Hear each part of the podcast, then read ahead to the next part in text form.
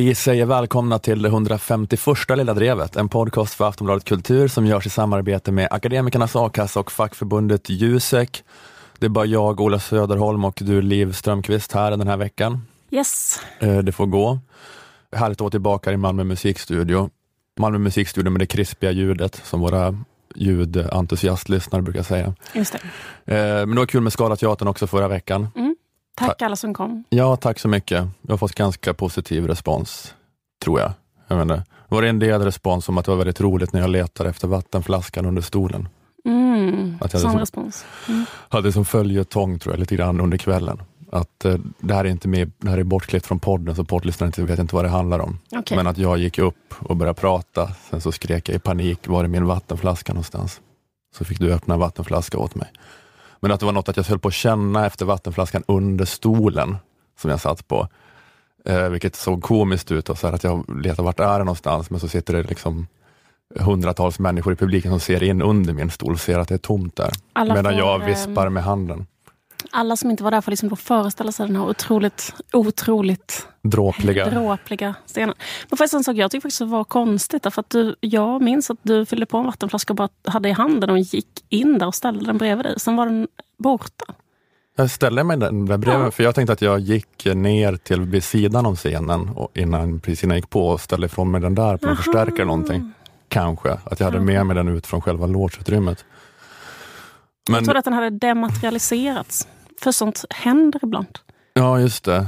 Eh, att det är någon sån eh, Malin Berghagen-grej. Ja. Malin Berghagen måste åka till Scalateatern och utreda det här med den försvunna vattenflaskan. Men det var Det var bara... ju liksom det mest spännande som hände i så fall. Då förstår jag att det var det folk skrev om. Ja, men, jag, Om- men jag känner mig bara så trött av att, att jag, jag blir bara så trött på den här idén jag har om att jag ska vara artist. Att det här är, att jag har hållit på med stand-up i tio år och det där är mitt sätt att föra mig på en scen. Gå upp och skrika var är vattenflaskan? Och sen vispa med handen under en stol. I, jag, vet, jag, vet, inte- jag vet inte när jag slutade med det. Jag tror jag höll på att känna med handen ganska länge under stolen. Och jag fick ju en ny vattenflaska av dig. Det var bara som en konstig fixidé. Jag ska ha min vattenflaska. Mhm. Så jag, Jag missade tänker det här på det. hållet. Mm. Nej, det syns ju mest för publiken för att ni satt ju vid sidan av mig så ni såg ju inte det på samma vis. Ehm, men i alla fall, det är det här uh, artist mot alla odds. Jag är som den här uh, brittiske backhopparen, Eddie the Eagle. Det ska gå. Jag ska till OS. Ehm, ja, ja, ja, livet är bara en enda lång förnedring. Och nu, Jag, tycker du tar lite väl eh, illa vid dig av en kommentar. Kanske det som är skillnaden mellan dig och andra som har hållit på med standup i tio år. Eh, livet är bara en enda lång förnedring och ehm, ja, apropå det så ska vi göra veckans podd. Mm. Vi ska prata lite mer om franska valet och lite mer om tv-serien The Handmaid's Tale den här Mm. veckan. Eh, men vi ska börja med vinster i välfärden. Det är kanske en mening som får vana lyssnare att börja spola framåt i podden. Ja, ska jag säga inte det? Jag tänker att det är ett så generiskt och uttjatat Lilla Drevet-ämne. Ja. Till och med tankesmedjan-ämne när, när det begav sig. Mm, jag har gjort väldigt många serier också på temat. Det är så förutsägbart vad vi ska komma fram till också. Som har Mm. drabbats kanske av sömnapné bara av att höra mig eller dig yttra ordet Mm, eller meningen eller de tre orden, vinster i välfärden. mm. Det är en cue för att eh, bara låta pekfingret eh, börja studsa på spola framåt 15 sekunder-knappen. Nej, jag tycker inte det. Nej. Jag är jätteintresserad. Mm. Jag är outraged att vi inte har förbjudit vinst i välfärden fortfarande. Jag, ser, jag är i total chock att det kan pågå. Nej, men för er som inte då har börjat eh, trycka frenetiskt på spola framåt-knappen, eh, som fortfarande är med oss här, så är anledningen till att jag tar upp det igen att regeringens utredare, socialdemokraten Ilmar Reepalu, är klar med sin eh, välfärdsutredning. Eh, Väldigt omdebatterade välfärdsutredningen han har hållit på med. Han lämnade ett delbetänkande i höstas där det sades att välfärdsföretagens vinst skulle begränsas till högst 7 procent. Det här bemöttes då av ilska från de som tycker att eh, det inte ska finnas något vinsttak alls. Och den falangens eh, då främsta argument som de håller på med nu, är att man istället ska säkerställa att pengarna används på ett bra sätt med hjälp av höjda kvalitetskrav och fler kontroller. Mm. Mera new public management och sånt. Och ehm, nu i sitt slutbetänkande som kom nu då, så skrev Reepalu, då, då hade han liksom, de borgarna tvingade honom att ta upp det här och undersöka det här, ifall det inte är bättre med ökade kontroller. Och då skrev Reepalu att det inte är realistiskt att villkora vinstuttag med att man ska uppfylla detaljerade fastlagda kvalitetskrav för att det riskerar att konservera vad kvalitet anses vara istället för att bidra till utveckling. Alltså att man har någon slags fastställd riktlinje om vad som är en kvalitativt sätt att, att hjälpa en gamling Just eller en det. unge. Att det är det här eh, som du brukar säga, stryka sju gånger med handen över kinden. Ja, just det. Man ska kvantifiera det så. Precis. Hur, Det, måste vara, det känns liksom som en byråkrati som känns helt oöverskådlig. Hur man skulle kunna mäta kvalitet på vårdhem. Men visst, Ja, ja det, har, det har varit en stor del av kritiken. De liksom eh, luntorna de har, där de har försökt bryta ner allting och allt har fått ett namn och en kod och en diagnos. Hur mysigt det är. Mm. Myspoäng fem. Eh, Kunde varit ett doftljus till. Blir ett halvpoängs avdrag. det finns liksom sådana tabeller där man ser hur antalet doftljus ger fler poäng i mysighetsupplevelse för Precis. kunden. Och då säger en gamling, ja vi vill inte ha doftljus här. Och då säger de, eh, jo vi måste ha det för att annars får vi inte ta ut vinst. Vi måste ha Mm, sju stycken. För det en- finns, en, ja, det finns en kvalitet som någon har bestämt och den ser ut så här. Vår vårdpeng är villkorad på att du ska gilla doftljus. Så vi Precis. får den inte tilldelad oss ifall inte du gillar det. Nej men um, Reepalu skrev då att, eh, ja, att han inte då tyckte att det var bra det här med eh, att det inte var realistiskt att villkora vinstuttag med att man ska uppfylla detaljerade fastlagda kvalitetskrav. Han skriver då citat, risken finns att sådana kvalitetskrav skulle begränsas till enkla mätbara kvaliteter och missa andra mer svårmätbara värden, såsom kvaliteten i mötet eller samordningen runt individen. Och dessutom skulle att ställa fler detaljerade krav medföra en stor administrativ börda för välfärdens professioner, Jo tack. skriver Ilmar Reepalu på DN Debatt. Dels det, här, det svåra, eventuellt omöjliga med att mäta, men också det här då, den här arbetsbördan. Som, det är ju en epidemi av sjukskrivningar på grund av stress och psykisk ohälsa som har ökat med 75 procent på fem år. Eller någon sån sinnessjuk siffra. Det sa Isabella Lövin i den här partiledardebatten. Okej. Då bara tar jag hennes siffra. Mm. Det kanske är fel. Men många, väldigt många av de som är drabbade jobbar i vård och omsorg. Och de ägnar mer och mer tid åt att besvara kvalitetsgranskares frågor och beskriva hur det går att uppfylla citatmålen. Slutcitat. I alla fall, det här har då Reepalu kommit fram till och så här sa då oppositionen. Men de fyra allianspartierna, liksom Sverigedemokraterna, tycker att slutsatsen är fel.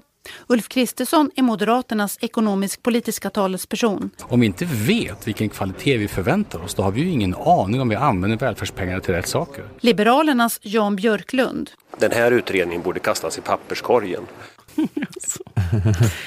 Ja, men det är högt tonläge, men det är lugnt för dem antagligen. Alltså både borgarna och SD är emot.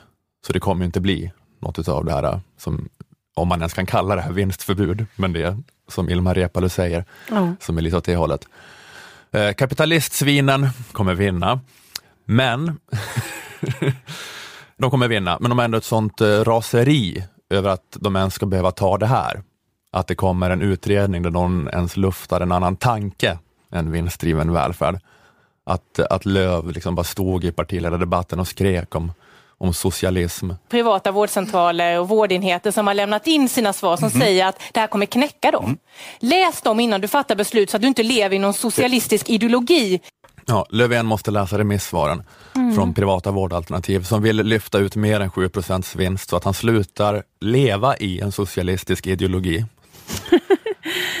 ja, Ja, men ilskan över vänsterextremismen i det här Reepalu-förslaget. Ett förslag som är så försiktigt så att även om det skulle gå igenom skulle Sverige fortfarande vara typ minst vänsterextremistiskt i västvärlden när det gäller välfärdsmarknaden. Men bara att det kommer ett pip från den andra sidan, det är så provocerande. Att det finns en gammal gråsosse som säger något som inte ens var vänsterretorik för ett par decennier sedan, men nu då är dödskommunism. De bara, hur kan det här ske? Vad är det här för sosse? De så kallar in alla sina fotsoldater på kontoret, alla lobbyisterna från Attendo, Aleris och Capio och Carpe Diem och Inferno, Inferno Care. Eh, de kallar in alla lobbyister på kontoret och bara skriker åt dem, så här, hur kan det finnas en snitch? Ni har ju lovat att ni hade alla sossar i fickan. har ni inte, har ni inte gjort en honey trap med Ilmar Reepalu? Eh, Var är honey trappen? Var var hon? Mm, ja, exakt. Ilmar Reepalu är för gammal. Det går inte. Han orkar inte så här, ligga med en rysk dubbelagent. Kommer. Men det kanske, är att han är, det kanske är lite att han är för gammal för att annars är det här att man så här, äh, går över och jobbar för Aleris. Men att han ska inte jobba mer. Nej, just det. Det här är det sista han gör. Han ska ju in på ett äldreboende, så det kanske är det han tänker på nu. Det är inte som Göran Hägglund, liksom. han gick ju direkt till Aleris efter att ha varit sjukvårdsminister och liksom gjort, gjort allt de ville att han skulle göra i åtta år. Men Reepalu är så himla gammal. Men den borgerliga ilskan över vad Reepalu gjort, det är någon så fascinerande självförtroende och känsla av berättigande som finns i den här ilskan. Att det är så självklart för dem att de ska få sin vilja igenom, alltså utan folkligt stöd enligt alla opinionsundersökningar. Men det, men det är så känslan av när ett litet latinamerikanskt land råkar gå emot CIAs vilja. Så bara, åh shit, vad hände nu? Vad gjorde ni nu? Okej, okay, det är inte som att vår makt är hotad, men nu måste vi smutsa ner händerna och krossa er och det gör oss så förbannade. Det hade varit trevligast för oss också om vi kunde låtsas som att ni gjorde som vi ville av citat fri vilja. Men nu måste vi bara släppa lös allt på er. Kunde vi inte bara ha lite trevligt? Ja exakt, antingen så gör vi det här äh, att ni förstår vad vårt, äh, vårt leende betyder. Liksom. Men så fattar ni inte det. Eller, och då måste vi bara attackera er frenetiskt från alla håll. Ja, men det är bara som en så här chockvåg från det välfärdsindustriella komplexet från företagen, lobbyorganisationerna, de köpta politikerna, de köpta ledarskribenterna. Kraften som släpps lös, den är så massiv.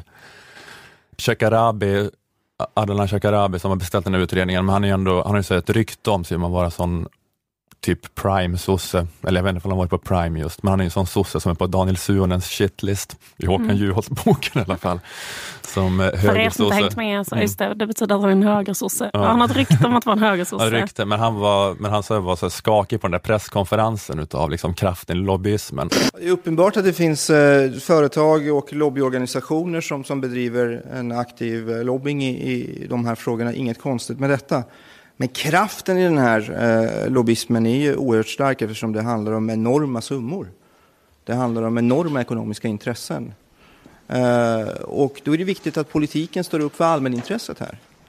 Civilministern anklagar näringslivet för att ha försökt tysta debatten om vinster i välfärden. Det framgick när slutbetänkandet från välfärdsutredningen lämnades till ministern av särskilde utredaren Ilmar Reepalu. Men i alla fall, det, det är de här då borgerliga politikerna och åsiktspersonerna. Det de framförallt hakar upp sig på nu då i, när de ska diskutera det här nu, det som är talepunkten nu är Repalus formuleringar om det svårmätbara med kvaliteten i välfärden.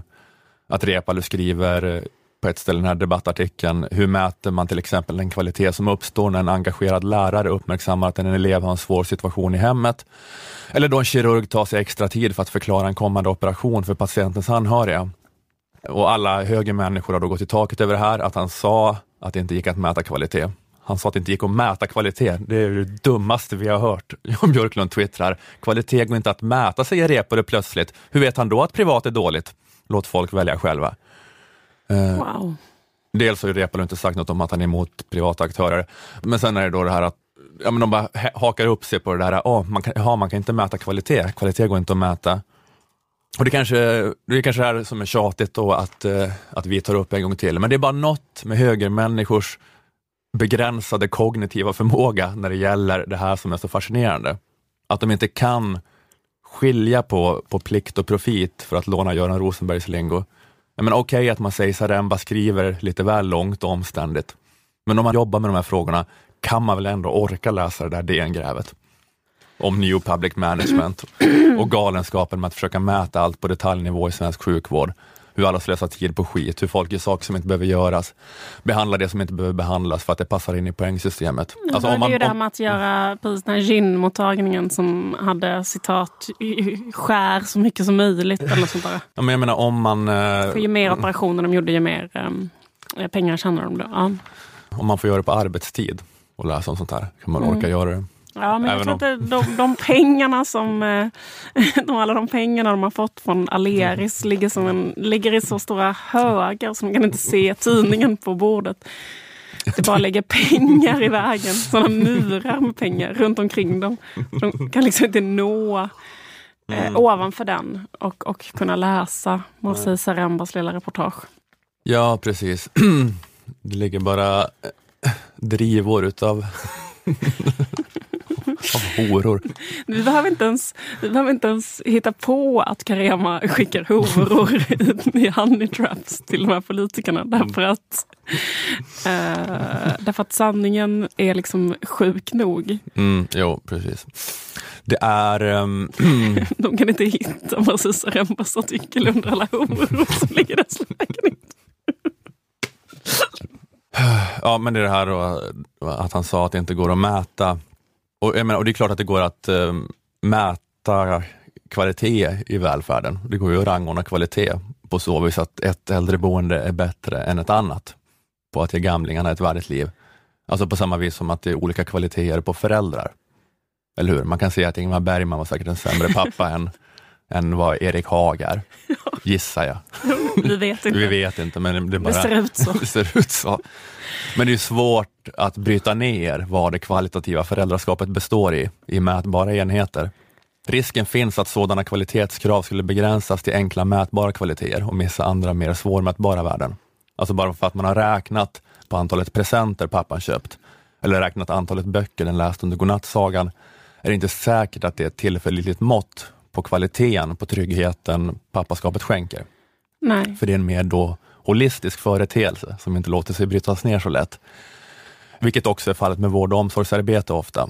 Fallet med att försöka ge tröst åt en senil dement gamling med dödsångest. Det är relationer som bygger på tillit och som undergrävs av eh, allt mer detaljerade föreskrifter av hur man ska agera. Att man försöker upprätta manualer för hur man arbetar med människor på samma vis som man ska upprätta en manual för hur man effektivast sätter ihop en Toyota i en fabrik. Fast borgare tror ju på det här, att det finns inte då pliktrelationer, det finns bara profitrelationer. Det bästa är att ha kunderna alltid rätt perspektivet när det gäller allt. Gamla, sjuka barn, skolelever ska vara kunder till vårdare, pedagoger, lärare som ska leverera tydligt mätbara resultat. Så det kanske är så Jan Björklund är pappa också, att han har infört lean och new public management hemma. Efter att han läst en godnattsaga så får hans barn ge feedback genom att trycka på smileys. Jätteglad gubbe, halvglad, halvsur, röd och ilsken för att få tydligt mätbara resultat. Att det ratandet på detaljnivå kommer ju alltid vara bäst för kvaliteten på relationen. Mm. Hur skulle det kunna vara på något annat sätt? Mm. Menar att det inte går att mäta? Det kanske också då uppstår de här problemen att han mer mäter det mätbara. Alltså det härliga, det härliga pappaskapet som går att kvantifiera. Så att när jag var i tonåren och ville prata med min pappa om att jag inte visste var jag var i min sexualitet eller någonting, så sa han inget. Istället bara lyfte han upp min tröja och blåste på min mage så att det blev ett roligt ljud och räknade antalet gånger han gjorde det. Sen gick han och förde in det i en tabell. Pappa Jan Björklund, kan du inte lyssna på mig istället? Så jag bara, nej. När jag var liten jag hade tvångstanken att jag var tvungen att stryka min fot mot alla vägguttag. Här, pappa Jan Björklund bara bläddrar i sin diagnoslista. Jag hittar inte! Stryka foten mot vägguttag. Cheferna säger att jag inte kan prioritera det här. Jag måste lösa något mer lättlösligt problem för att samla pinnar. Vi köper fotbollsskor åt dig. Det är nog så. Mm, det är nog så. Alla inom högen uppfostrar sina barn.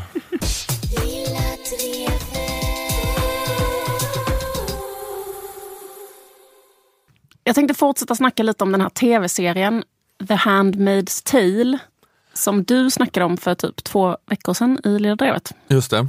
För er som inte har hängt med så är The Handmaid's Tale alltså en HBO-serie som är baserad på Margaret Atwoods roman Tjänarinnans berättelse från 1985.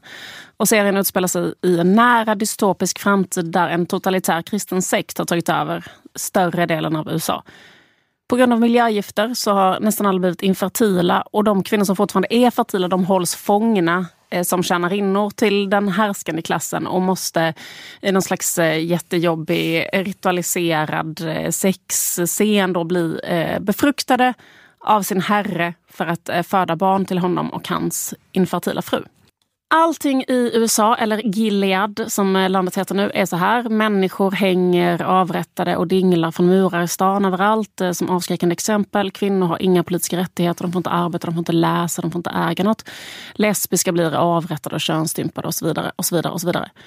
Och eh, den här serien är väldigt eh, välgjord och spännande och så. Men du, Ola, pratade om att det var en sak som störde upplevelsen av A Handmaid's Tale. Mm. För två veckor sedan sa du så här. Eh, Det som stör upplevelsen av den här tv-serien är att 4000 kulturjournalister har skrivit att The Handmaid's Tale är så skrämmande aktuell nu när Trump har valts till president. I en annan tid hade det varit science fiction, men nu är det så kusligt samtida.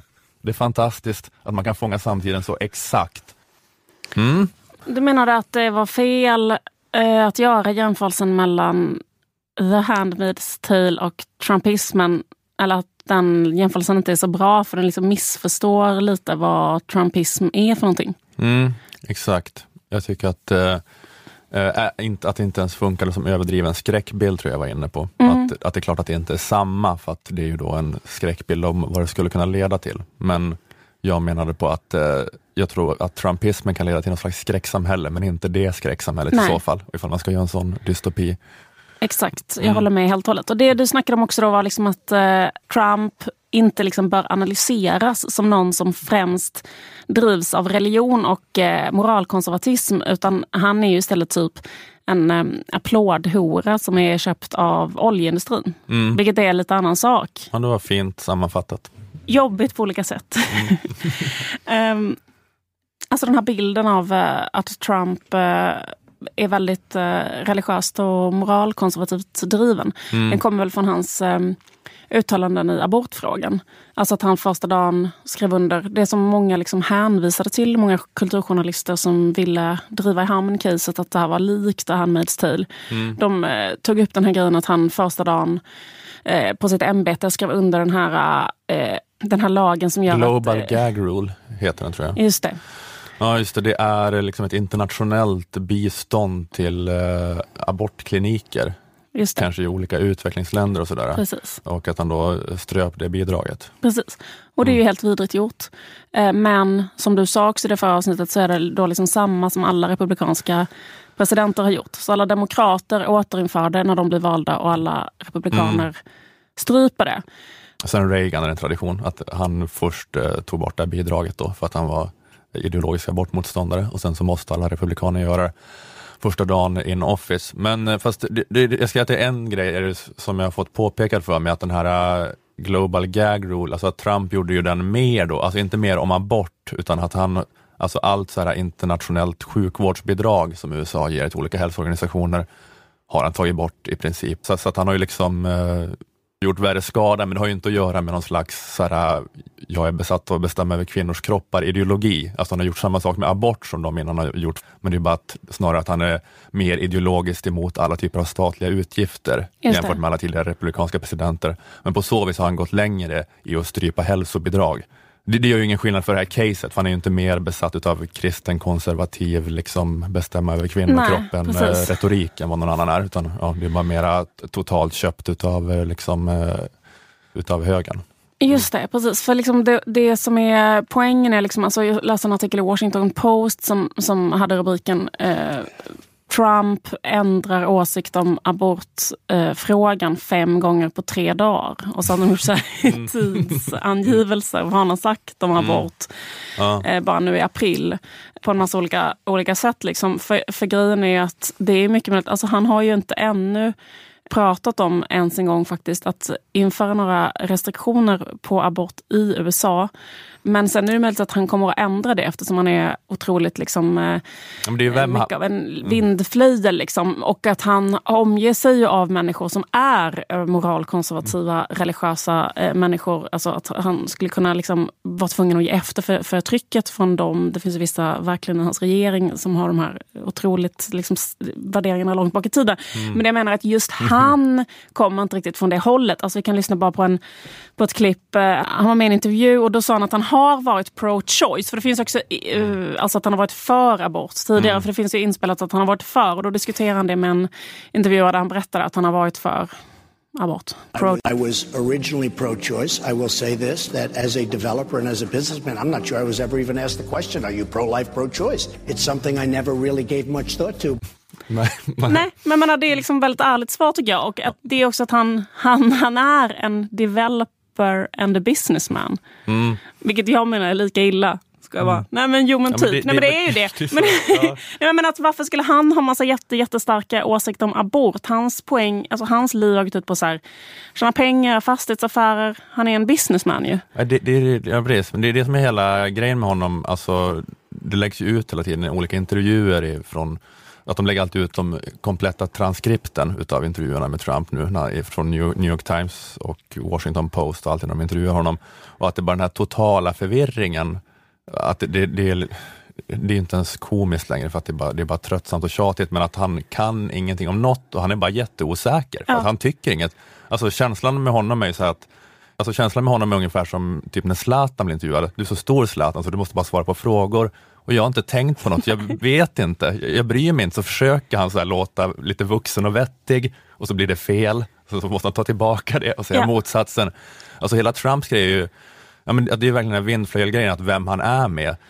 Att, att den han gillar är då att vinna och få applåder, sen så gillar han andra som är alfahannar och vinner och får applåder. Att han har stått och fått applåder och skrikit han är emot Obamacare. Så han har ett möte med Obama och han säger bara jävlar vilken snubbe Obama, vilken pondus. De säger, men jag kanske ska ha kvar Obamacare. Och så, så gillade han Marine Le Pen för att hon verkar skön och rivig. Sen så blev han så jätte upplyft av att Macron vann med så stor marginal. Han tyckte det var så coolt med 65 mot 35, att man kan vinna med så mycket. Twittrar så här, congratulations to the big win. Vilken så här mäktig pondus du utstrålar, nu som vinnare när han blir liksom intervjuad om abortfrågan också, för det finns det här då, så, som jag tror gjorde folk väldigt oroliga då, liksom innan med hans hållning, som säkert också gett honom det här ryktet av att vara en, en eh, människa som absolut tänker förbjuda abort. Det var ju att han blev liksom pressad till att säga, vad tycker du ska hända då? Vad ska hända då? Vad ska hända då? Ska kvinnor få straff? Och då är han bara så, där och då säger han bara ja. Och alla bara, va? Det är så världens mest kontroversiella, helt sinnessjuka åsikt som liksom ingen tycker. Att så här, kvinnor som utför aborten ska, ska, det är de som ska straffas. Ehm, och då, här, då säger han ju det här bara, they should have some kind of punishment. Do you believe in punishment for abortion? Yes or no, as a principle? Uh, the answer is that there has to be some form of punishment. For the woman? Yeah. och sen efter det bara, liksom, ja men du vet, tre, fyra timmar senare efter ett möte med eh, någon staff så är han bara så här, that was an old line, someone told me. Han liksom jättekonstig, jättelång förklaring där. Liksom. Eh, och nu, men nu det sista han har sagt är att han inte, han säger så här, lagarna är där de är och han kommer inte ändra någonting med abort. ehm, Nej. eh, lagstiftningen i USA. Men det kanske han kommer att göra, alltså menar, vem vet? Eftersom han är en så otroligt loose cannon och kan eh, liksom samarbeta med de här krafterna som verkligen har de här intressena så är det möjligt att det skulle kunna bli så ändå. Så att jag menar, Saker kan hända, men det är inte för att han vill någonting. mer än att ha applåder Ja. och få pengar från oljeindustrin. Precis. Att folk ska tycka att han är kingen. Det är liksom hela, hela ideologin. Men eh, det känns ju helt osannolikt att han skulle ja, vara en människa som har drivits i sitt liv bakåt av känslan att han är pro-life. Mm. Alltså är det någon, man kan liksom se honom framför sig tjata på tjejer och göra abort. Alltså man kan verkligen se så här, det telefonsamtalet från så här, Miss Moldavien ringer och säger I'm pregnant. Trump bara vrålar, att hon, eller äh, inte ens han, hans assistent vrålar att hon måste åka dit och dit och göra en abort nu. Han tar inte ens luren. Han tar liksom inte så enkla frågor utan det gör hans staff.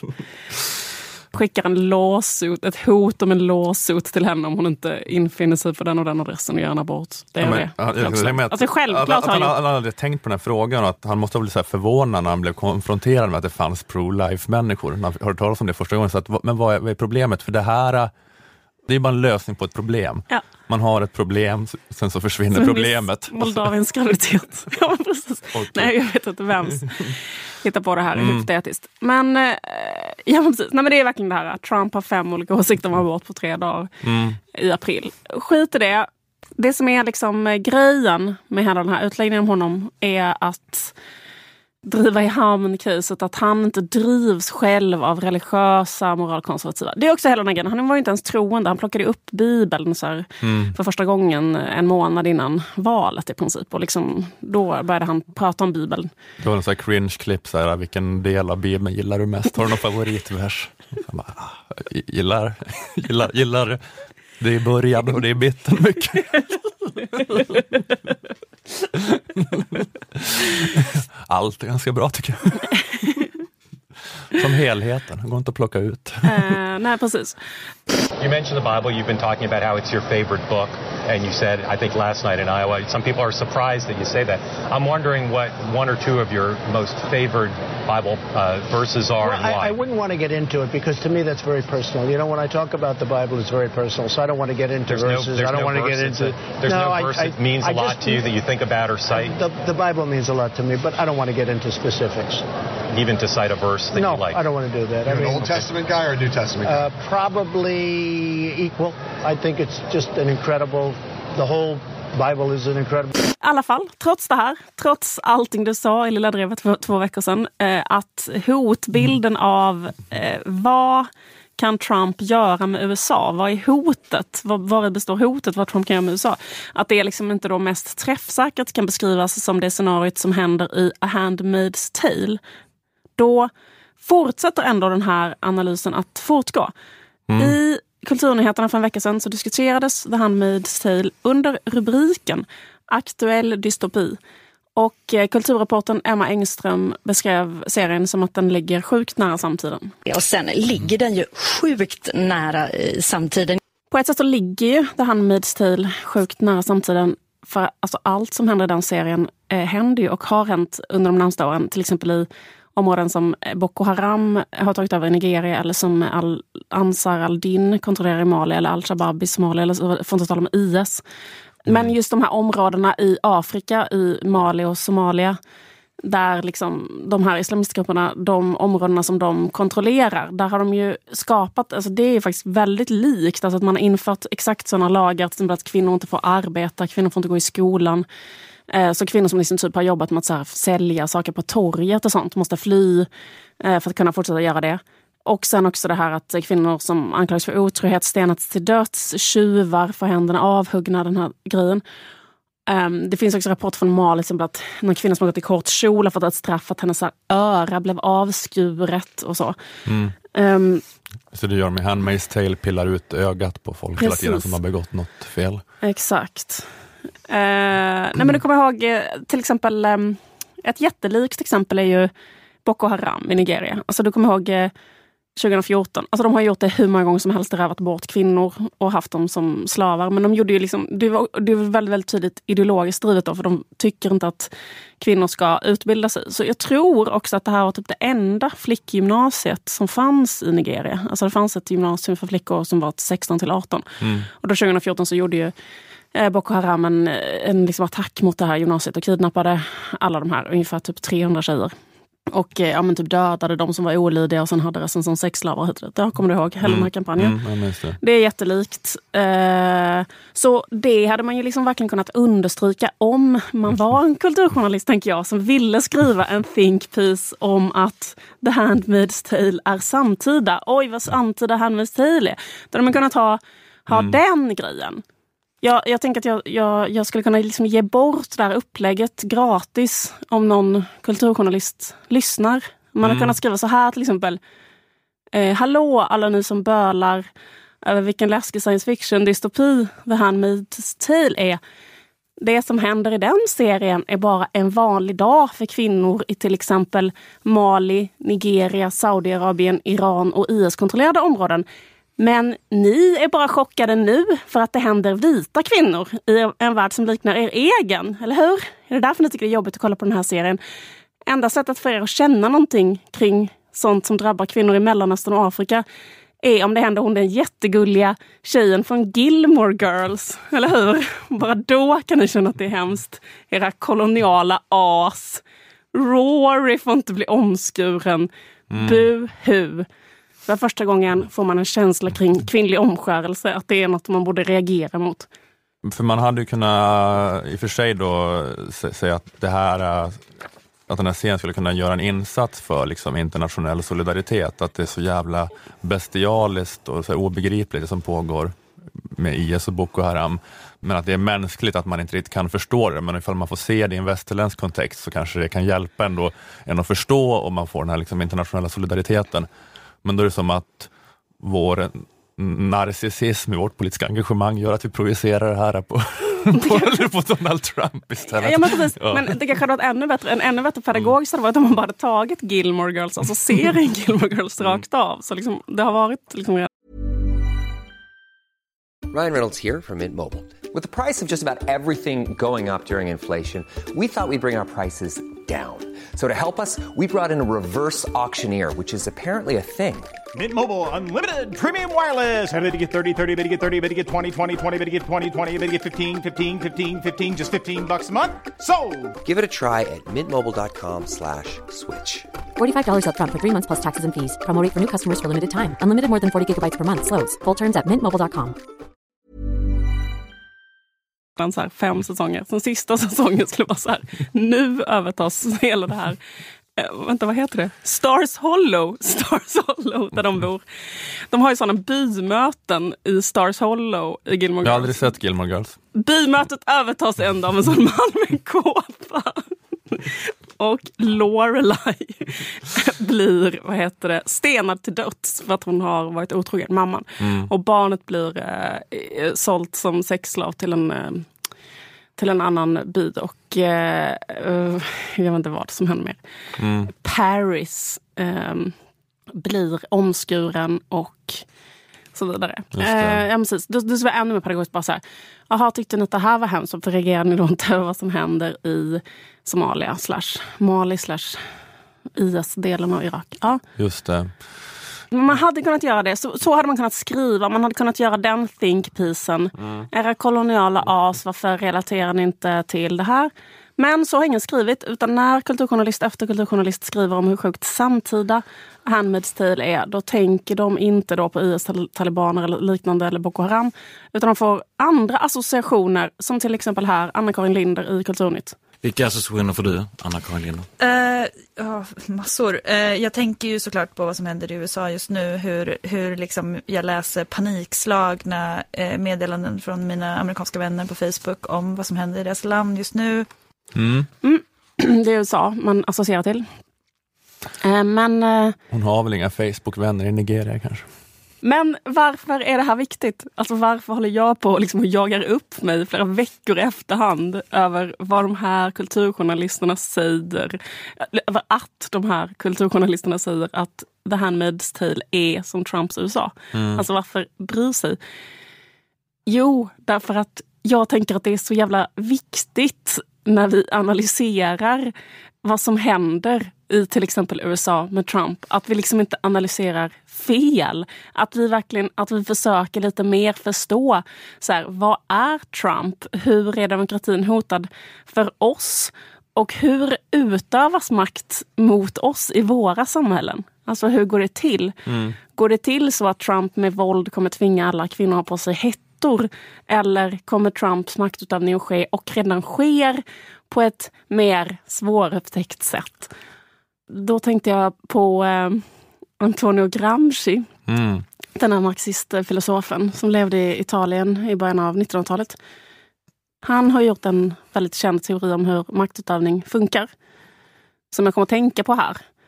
För det han menar är att det som är allra mest utmärkande, alltså den mest använda tekniken för eh, politisk maktutövning, det sättet som den härskande klassen liksom använder för att utöva makt, det är att inte använda sig av våld, inte använda tvång och inte ens använda ekonomisk press för att få sin vilja igenom. Utan det är genom att skapa samtycke manufacturing consent, som Mm. Noam Chomsky brukar säga. Gramsci använder sig av det här begreppet som heter kulturell hegemoni. Och enligt honom så funkar maktutövningen så att det är den härskande klassens syn på saker som blir hegemonisk. Alltså det blir det enda sättet att tolka verkligheten. Så deras perspektiv är inte så ett perspektiv bland andra, utan det ses som det blir verkligheten, eller det blir liksom det sunda förnuftet. Mm. Och den här kulturella hegemonin sprids med hjälp av så kultur, massmedia, språk, politik på alla sätt. Och om någon då liksom bryter mot den kulturella hegemonin i hur de pratar eller tänker så uppfattas de bara som så obegripliga eller farliga eller som galningar, extremister. Och det blir liksom en social omöjlighet att säga eller debattera, föreslå saker som ligger utanför hegemonin. Mm. Och jag menar, USA är ju liksom ett svintydligt exempel på detta. alltså bara exempelvis så är det ett av de länderna som har sämst arbetsrätt i hela världen. Folk kan jobba på så här, tre jobb och ändå knappt betala sin hyra. Mm. Samtidigt så finns det en kulturell hegemoni som säger USA är det bästa landet i världen. USA är frihetens land. The American dream, om du bara jobbar hårt kan du uppnå dina drömmar. Alla filmer och böcker och kändisar säger detta. Och vem tjänar på det? vems, eh, vems perspektiv, I vems perspektiv är det det bästa landet? Jo, eh, arbetsköpare såklart, som vill ha arbetskraft som man inte behöver betala. Men genom att hela kulturen säger vi lever i the land of the free, om du bara jobbar hårt så kan du nå vad som helst, ge aldrig upp dina drömmar. Då liksom samtycker även de som gravt missgynnas av systemet till systemet. Så arbetaren kanske ägnar 12 timmar om dagen hela sitt liv åt att packa upp superfulla pikétröjor från ett lager istället för att till exempel vila eller fiska eller umgås med sina barn eller sånt där. Men man är ändå så fattig så man aldrig kan då liksom göra något kul eller köpa något fint eller så. För att alla de här pengarna går till Walmarts eh, VD. Men de här människorna känner inte så här, vad orättvist det är, jag måste stå upp för mina rättigheter. Så här, utan de känner så här, de kollar på ett avsnitt av Oprah som kanske säger så här, jag var fattig men jag trodde på mig själv och nu är jag miljardär och så vidare. Ja, Mm. Svintydligt exempel. Det är också det som har hänt liksom nu när de har röstat på Trump, de här människorna som jag beskriver. Eh, som ju med Naomi Kleins ord har gjort en corporate coup d'etat. Alltså han har ju gett bolagen och kapitalet ännu mer makt, politisk makt helt konkret genom att liksom ha gjort dem till ministrar. Till exempel Rex Tillerson som är före detta vdn för Exxon som blivit utrikesminister och så. Men folk har liksom gett honom och de andra i Trump-administrationen makten med samtycke. De har gett dem makten glatt, hoppande till valurnan, jublande. De har gjort det till och med i tron att de gör någonting mot the elite. Mm. Så det är liksom en riktigt vidrigt lyckad kulturell hegemoni manufacturing till samtycke. Ja, men om vi kollar på det här med miljön då. Ja, men alla människor på jorden har ju liksom ett intresse av att så här, livsbetingelserna på planeten inte förstörs. Utom en människa, eller en liten grupp oljeindustrins chefer som har ett annat intresse. Nämligen att livsbetingelserna förstörs så att de kan tjäna pengar. Och deras intresse eh, har ju då uppfyllts nu genom att eh, Rex Tillerson har fått liksom typ nästan mest polismakt i hela världen. Och alla bara, ja vi ger det till honom, bla bla. Mm. Och de har det intresset i några decennier till. Helt utan avhuggande av händer eller tvångspåsättande av hettor så har Mm. den här makten etablerats i USA Mm. stenhårt. Den här eliten Mm. som har intressen som absolut inte är likadana som våra. Kvinnor inom den kulturella hegemonin kanske blir tillsagda av veckotidningar, film och reklam och så vidare. Så här. Ni är världens friaste kvinnor, ni kan göra vad ni vill. Jag såg faktiskt en reklam nu där Madonnas barn Lourdes Mhm. var med i en sån Stella McCartney-reklam där hon typ sitter ner på marken och så säger en röst så här "Nej, Samhället säger till dig att du inte är fin och du är operfekt. Men vet du vad? Du är världens coolaste människa och bla bla bla. Och gå ut och kick ass och your imperfections is your bla bla bla. Och du vet, sådär. Säger samhället det här till Lourdes.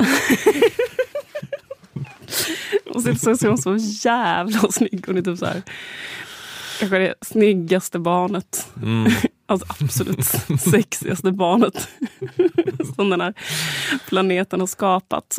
Ja, ja. Men poängen är att eh, reklamen säger till kvinnor ni är världens ballaste människor, ni, kan bara, ni är världens friaste människor.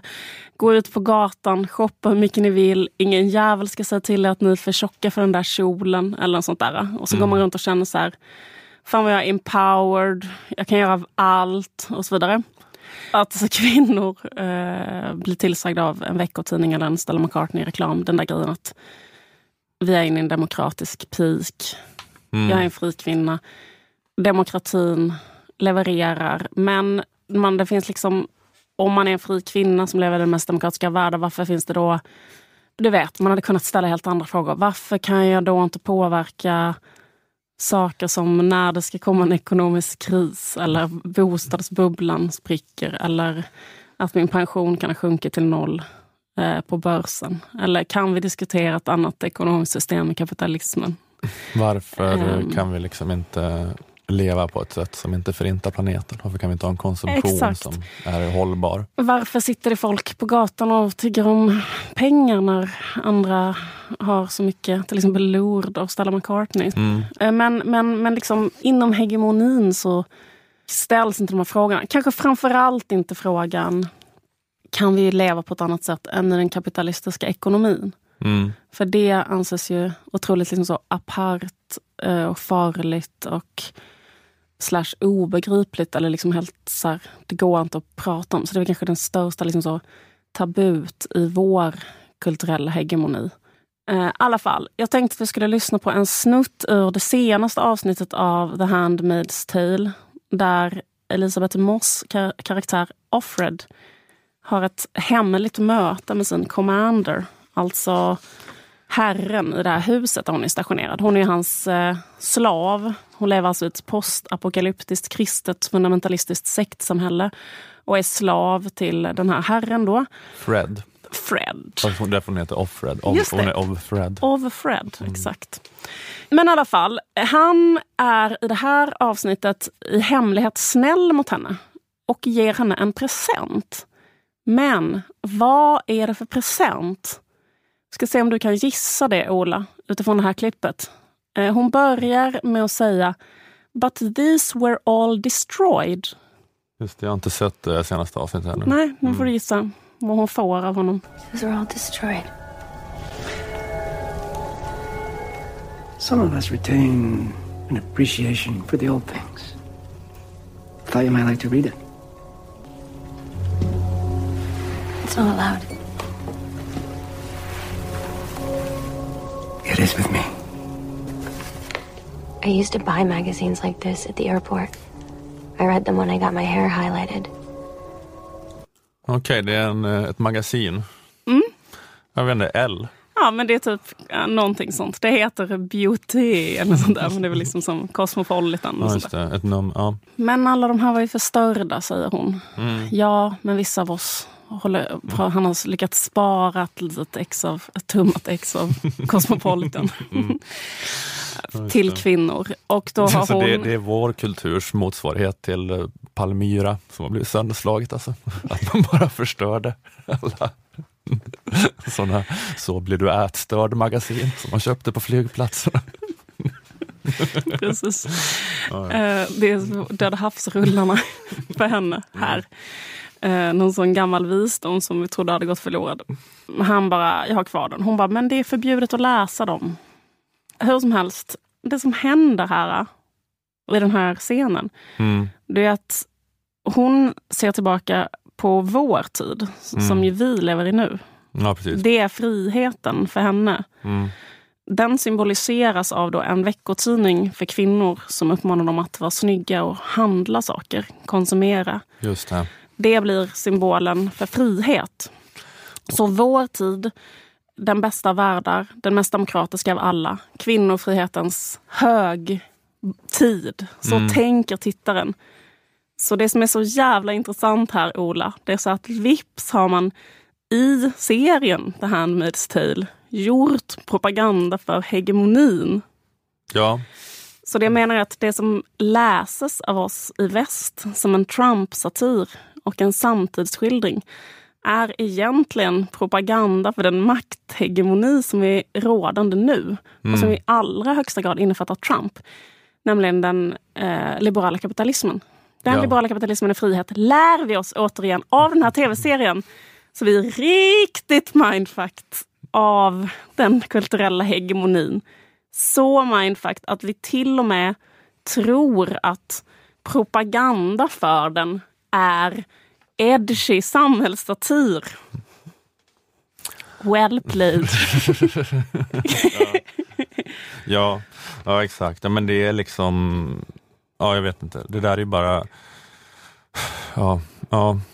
Det är ju well played, men jag fattar också inte, jag återigen, alltså de dumma jävla kulturjournalisterna. Alltså, jag förstår inte Alltså hur kan, hur kan man, alltså, så, det där exemplet med att, att den där typen av den där, sådana magasin då som liksom uppmanar kvinnor till att bry sig om utseende och shopping, att det är anti-Trump, att alltså han är ju Miss Universe, han är ju Mr Miss Universe. Alltså, alltså bara, man behöver inte ens ha läst Kunna sin Gramsci som du för att förstå hur dumt, hur dumt det är och tycka att det där är, att det, att det, det här vill Trump förbjuda. Han vill förbjuda Cosmopolitan. Ja. Liksom, är ni helt...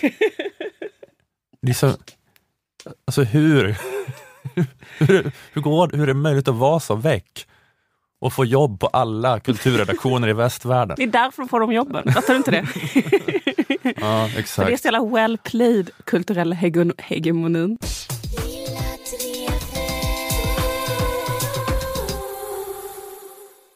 Vi har kommit fram till den delen av Lilla Drevet där vi berättar om våra välrenommerade sponsorer fackförbundet Jusek och Akademikernas a-kassa. Eh, Medlemskap i Akademikernas kostar bara en hundring i månaden och ger dig upp till 20 000 kronor i månaden om du skulle befinna dig mellan jobb. Lilla Drevet sponsras också av fackförbundet Jusek. Många akademiker, till exempel de som organiseras av Jusek, tjänar betydligt mer än a-kassetaket. Så det kan bli ett stort inkomstbortfall om man förlorar jobbet. Men om du är med i fackförbundet Jusek och tar del av deras inkomstförsäkring så är du skyddad ända upp till 80 000 kronor. Om du får sparken, så som jag fick från P3, Mm. så får du 80 procent av lönen upp till 80 000. Jag tjänade inte 80 000 på P3. Bara för att du var så um, Dålig. tråkig och dålig och um, famlade, Det var konstigt, famlade efter saker och, i studion. det var konstigt att alla på Tanksmedjans redaktion tjänade 80 000 i månaden och jag tjänade 24, 24 000 i månaden. att det bara var så. Gud. och så gick jag in och skulle ha samtal med, med platschefen där. Så sa, sa hen bara att det, du levererar för lite helt enkelt. Du är så... Um, Dålig. du, du, du, du har väl långa tråkiga spaningar utan skämt. Du brukar vara rolig. Du brukar vara en komiker men nu är det bara sånt jävla långt malande. Jag skrattar. Jag skrattar för att jag tycker att, för att jag kan bjuda på mig själv. Jag tycker bara att det är roligt. det är roligt när folk driver med mig. Det måste man kunna bjuda på. Ja. 80 procent av lönen upp till 80 000, så då klarar du villalånen och eh, slipper adoptera bort ungarna och så vidare. Eh, det är Juseks inkomstförsäkring. Sedan stöttar Jusek er på en mängd andra vis i karriären, till exempel genom lönerådgivning, karriärrådgivning, seminarier, hjälp med CV och LinkedIn-profiler bland annat. Att vara med i Akademikernas och Jusek kostar 351 kronor sammanlagt, så du lägger alltså bara till 251 kronor om du redan är a-kassemedlem. Jusek har just nu också kampanjen Vi vet, som inte handlar om att de vet var du bor, eller det gör de kanske också, för att man fyller i det antar jag, Just när det. man går med. Men Eller vad man har för um, eh, matvanor. de kommer inte missbruka den här informationen, tror jag i alla fall. Nej, men Vi vet handlar Eller om att man har ett alkoholmissbruk. Handlar det inte om Nej, heller. nej, precis. Alla vet. Sluta försöka dölja det. Alla vet. Vi känner ju lukten. Vi ser väl att det inte är svartvinbärssaft i den där festisflaskan. Alla vet. Vi vet att det är alkis. Helst är ljus.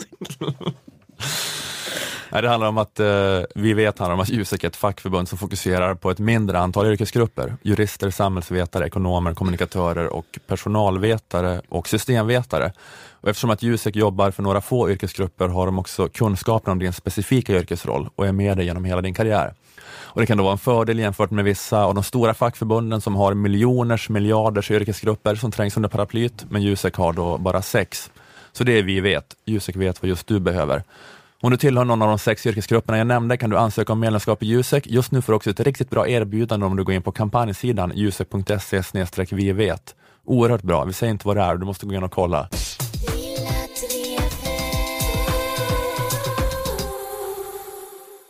Vi ska återvända till franska politiken. Yippee! Sen förra gången vi pratade om det har det varit slutomgång i presidentvalet. Patriarkatet vann. Just det. Emmanuel Macron besegrade Nationella frontens Marine Le Pen. Macron beskrivs av de flesta som det sunda förnuftet, Mm. eh, det enda civiliserade och om man då bortser från att han är mer progressiv i de här galtanfrågorna, i de här moralfrågorna, så är också då hans grej att han ska göra det enda vettiga i den ekonomiska politiken. Just det. Det enda som är rimligt, det som måste göras. För att det är så att det går dåligt för Frankrike på vissa sätt. Frankrike har en högre arbetslöshet, ett högre budgetunderskott, en högre statsskuld än eh, länder som Sverige och eh, Tyskland. Och det beror då inte bara på att de där katolikerna är som de är. Nej. Att de inte kan ta ansvar och göra rätt för sig. Det är inte bara det liv. Att, Nej, de bara okej. sitter, att de inte bara att de sitter och gråter i biktbåset, koketterar med sin egen vekhet, vilket vi nordpreussare aldrig skulle göra. Det är inte bara det, Nej. utan det är också att det är strukturproblem i den franska ekonomin. Mhm. Det är vad många säger. Det som behöver ske är att göra arbetsrätten mer flexibel, som det heter på Per Schlingmann-språk. I SVTs valvaka för franska valet i söndags pratade de om vad den franska ekonomin behöver med Martin Ådahl, eh, chefsekonom för Centerpartiet. Ja, det är vår gamla bästa Lilla Drevet-klipp. Ta tillbaka det, Martin. Just det, jag har inte tagit fram det på datorn. Jag kan klippa in det efterhand kanske. Mm. Han skrek eh, Ali Esbati kallade rutentreprenörer, som Martin Ådahl kanske skulle vilja kalla det, kallade Ali Esbati för tjänstefolk i en debatt. Och då skrek Martin Ådahl, ta tillbaka det. Du Al- Ali Esbati ska inte duktiga tjejer som driver RUT-företag. Jag ska inte kalla dem för tjänstefolk. Ta tillbaka det Ali Esbati. Just det. Så Ja. lät ungefär. Ali ska inte kalla de tjejer som driver en massa rutföretag ute i Sverige för tjänstefolk. Ta tillbaka det! Jag träffar dem varje dag. De som gör verkligheten lite drägligare, lite enklare. Men jag kommer att jag pratade om det då, att jag var provade googla på tjänstefolk och då är det så här en jättestor sajt som är som ett torg, någon slags vidareförmedlingssajt för människor som är rutentreprenörer då, som hette tjänstefolk.se. Ja, just Så det. verkar inte som att det var så stingsligt och känsligt med det ordet för de som själva jobbar som städare och sånt, men, men Martin Ådahl var helt kolerisk. Men han var hög i det här samtalet i, i valvakan och eh, andra sidan representerades av Lisa Pelling eh, från den vänsterinriktade tankesmedjan Arena. Vad tycker då Martin Ådahl är problemet med den franska ekonomin? Problemet är att man har bland de högsta skattekilarna på arbete eh, för att anställa och för att investera i småföretag i hela Europa. Och det har ju lett till att hela ekonomin har stagnerat under så många år. Ja, men det var det jag sa där, flexiblare och lägre skatter och så vidare. Vad säger då vänstersidan, Lisa Pelling, eh, om det här? Vad säger du om de här förklaringarna? Ja, nej, men det, det är en, en, en del av förklaringen. Ja, men så på frågan, behöver fransk arbetsmarknad och skattepolitik liberaliseras? Svarar svenska högern ja. Och svenska vänstern svarar ja, ja, jo, Delvis. det behöver den väl. Ja, men de håller med. De, eh, de håller typ med. De har något förbehåll, inte bara, inte bara sänkt skatt på företagande utan också mer, mer komvux eller något sånt där. Men i alla fall, de tycker i princip samma sak. Och är det då så att det knappt ens handlar om prioriteringar längre, den ekonomiska politiken, det finns bara rätt och fel, kan vi göra som i Frankrike och avskaffa sossarna och borgarna och istället ha tvåpartisystemet, makronisterna mot trollen och aldrig diskutera något annat än galtanfrågor. Finns inget höger och vänster, finns det bara sunt förnuft. Är det så att den här politiken är sån som Macron står för, är det som objektivt sett kommer gynna fransmännen mest. Både svensk eh, sossighet och borgerlighet är överens om det. Och, eh, men jag kom apropå det här att tänka på ett inslag i Aktuellt för ett par veckor sedan som var en uppföljning på, de här, på det här med Panama-dokumenten. Du kommer ihåg dem? Ja. Det här stora skattebrottslighetsavslöjandet förra året om att massor av skattepengar göms undan i brevlådeföretag i olika skatteparadis. Och eh, alltså det här pågår ju fortfarande då att Skatteverket eh, håller på att gå igenom de svenskar som var inblandade i det här. Och eh, Aktuellt gjorde ett reportage som följde upp då hur de gick igenom, de gick igenom Skatteverkets dokument. Eh, och eh, IT-riskkapitalisten Robert Aldin var ett av casen i det här Aktuellt-reportaget. Han hade gömt undan pengar han egentligen var tvungen att skatta för i ett brevlådeföretag på British Virgin Islands. Eh, Aktuellt-reportern ringer upp honom. Det är den här, han får panik och slänger på luren grejen. Ja, du vet, reporter ringer svettig pamp. Mm. Men sen, sen vill han inte prata i telefon, men sen skickar han till slut ett mail där han förklarar sig. Och eh, i det här Aktuellt reportaget då, så läser de upp eh, Robert Aldins mail. Så här låter det. Skatteläget under 90-talet är inte jämförbart med dagens situation. är förklaringen till att de lät pengarna vara kvar utomlands så många år utan att skatta för dem i Sverige. Ja, det var i Sverige på 90-talet. Visst, så som lagen var då, var Robert Aldin förvisso en brottsling. Men ur moralisk synvinkel var Robert Aldin mer som en svart människa i Alabama på 50-talet, Just som det. vägrade sätta sig längst bak i bussen. Om du lever i en inhuman förtryckarregim, är det då ändå alltid fel med civil olydnad? Frågar sig Robert, Sveriges Nelson Mandela Aldin. Inte exakt med de orden, men det, det var ju det han menade. Det är det han menar, ja. Det var inte rimligt att förvänta sig att man skulle följa den svenska skattelagstiftningen på 90-talet. Men jag bara tänkte på det här i relation till makronismen, att eh, kapitalet kommer hem om man gör som det vill. För att nu har ju de, har ju till exempel han flyttat hem sina pengar då. Just det. Och det går ju bättre för Sverige än för Frankrike. Eh, men om man tar bolagsskatten till exempel, eh, jag vet inte exakt hur stor del av det, alltså företagsbeskattande, andra saker också, arbetsgivaravgift mer kanske och sånt, men bo, bolagsskatten det är ett exempel, så är den i Sverige 22 procent eh, och i Frankrike 33 procent. Macron har lovat att sänka den till 25 procent och i Sverige har den sänkts successivt de senaste 20-30 åren. Det har varit ett allmänt race to the bottom mellan alla länder där den blivit lägre och lägre. Men Frankrike har då inte deltagit i det här racet på samma sätt i alla fall. Jag vet inte ifall den var ännu högre där förut. Mm. Eh, För de har för många gamla vänsterdårar i Frankrike antar jag som tror på att det finns ett nationellt självbestämmande över ekonomin på ett vis som det inte gör kanske. Alltså, så jag menar att det är bara objektivt fel då att tro det. Mm. Och makronismen är objektivt rätt. Som sociologiprofessorn Jens Rydgren skriver, citat, har utrymmet för en självständig nationell ekonomisk politik minskat till följd av internationellt fastslagna stabilitets och inflationsmål, inrättandet av självständiga riksbanker och en allmän globalisering av ekonomin. Slutcitat.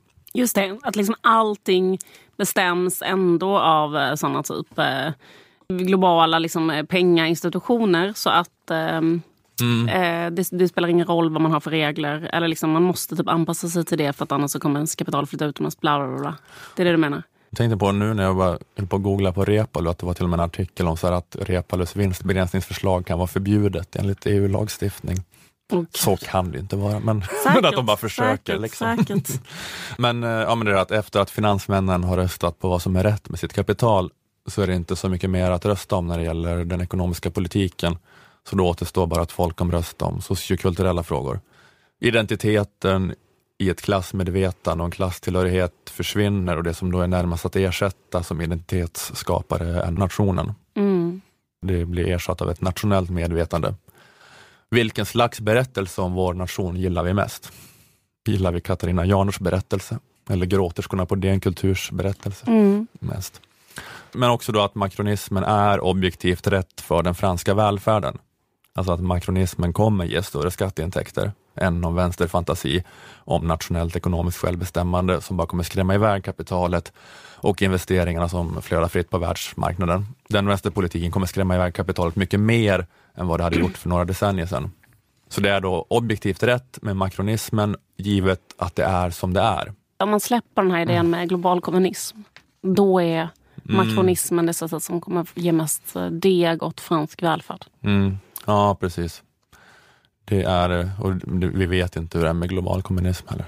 Det kanske bara blir värre. Det kommer säkert att bli väldigt fruktansvärt. Ja, exakt. Men, ehm, nej precis. Men eh, om man får igenom utopin med eh, Thomas Pikettys globala kapitalskatt, kanske Just det skulle det. kunna, kunna få mera eh, transfereringar och omfördelning av resurser. Fast det, det, är också, det kommer inte heller hända. Nej, men eh, man skulle kunna i alla fall säga att det skulle vara det bästa. Det hade väl hon kunnat säga, hon den arena-ekonomen.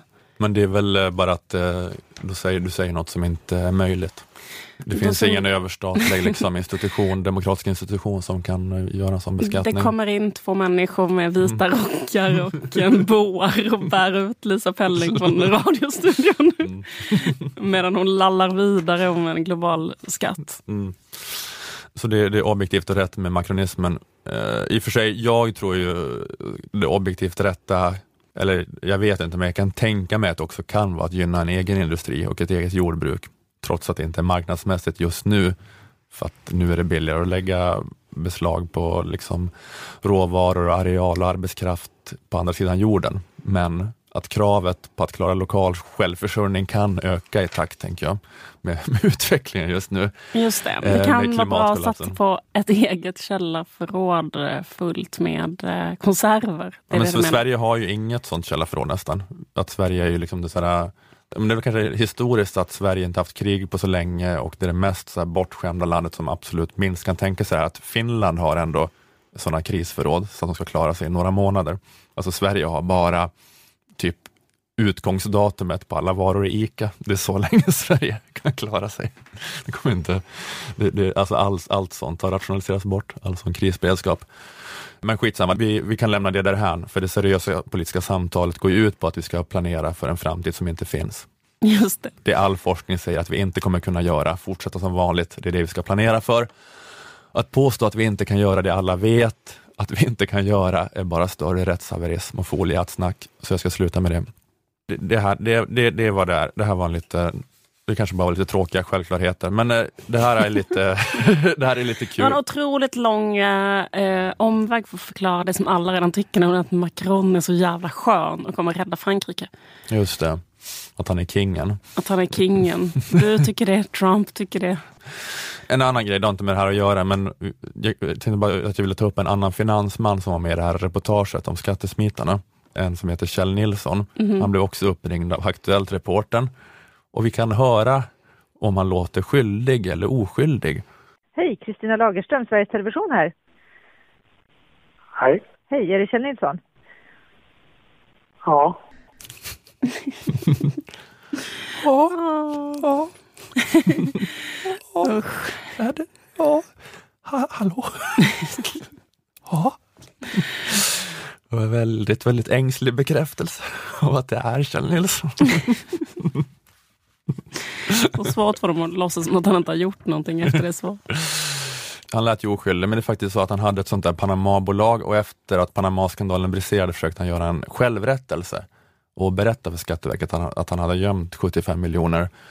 För reglerna har varit så att den som gör en självrättelse om att den har ett Panama-bolag slipper brottsanmälan. Eh, De behöver bara betala den skatt de inte har betalat, så att säga. De får ingen extra straffskatter Okej. och de hamnar inte i finkan. Eh, Men Skatteverket sa nej till Kjell Nilsson, för de menar att han inte fick göra en självrättelse för att han redan har figurerat i media som en av de utpekade svenskarna. Ja, ja, just det. Är man redan känd från TV så är det för sent att erkänna Mm. att man är skattebrottsling. De läser högt från Skatteverkets föreläggande till Kjell Nilsson i Aktuellt-reportaget. Bakgrunden till Skatteverkets föreläggande är att du i ett rapportinslag torsdagen den 7 april 2016 omnämndes som en av de svenskar som påträffats i Panamaläckan. I förhör har du uppgett att du var i Sydafrika på jaktresa när Panamaläckan rapporterades i media.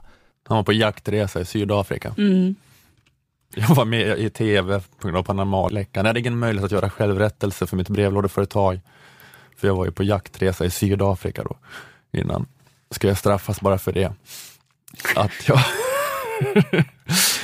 Att, men jag skulle kunna ha, tänker jag, att det är lite mindre klyschigt och parodiskt förhinder än jag var på jaktresa i Sydafrika. Liksom, Skatteverket, jaha, men i så fall. Ja, men då är det lugnt. Men jag tänker, är Kjell Nilsson också en gris som är utklädd till bankir? är Kjell Nilsson en gris i bankir på 1920-talet kläder?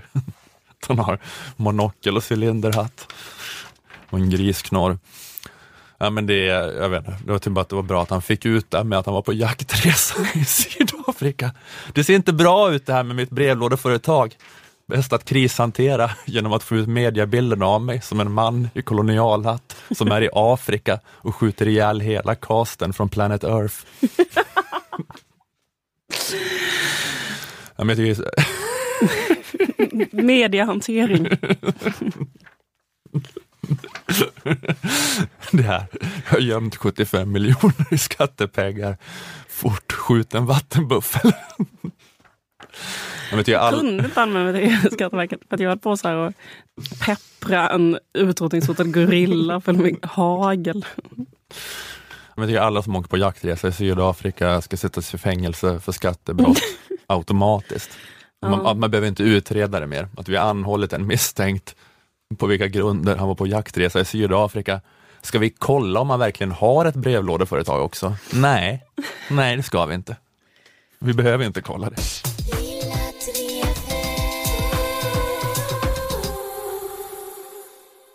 Tack för att ni har lyssnat. Förlåt att det var lite... Nej, jag ska inte säga förlåt. Nej. Aldrig ber om ursäkt. Ni kan behöva lite plakatig antikapitalism ibland. Det är ingen som har dött. Eh, Det var... Eller? Vi säger tack till Aftonbladet Kultur, Akademikernas A-kassa och fackförbundet Jusek och tack till Malmö musikstudio där vi spelade in. Eh, jag heter Ola Söderholm, du heter Liv Strömqvist. Lilla Drevet är tillbaka om en vecka. Hej då! Hej då!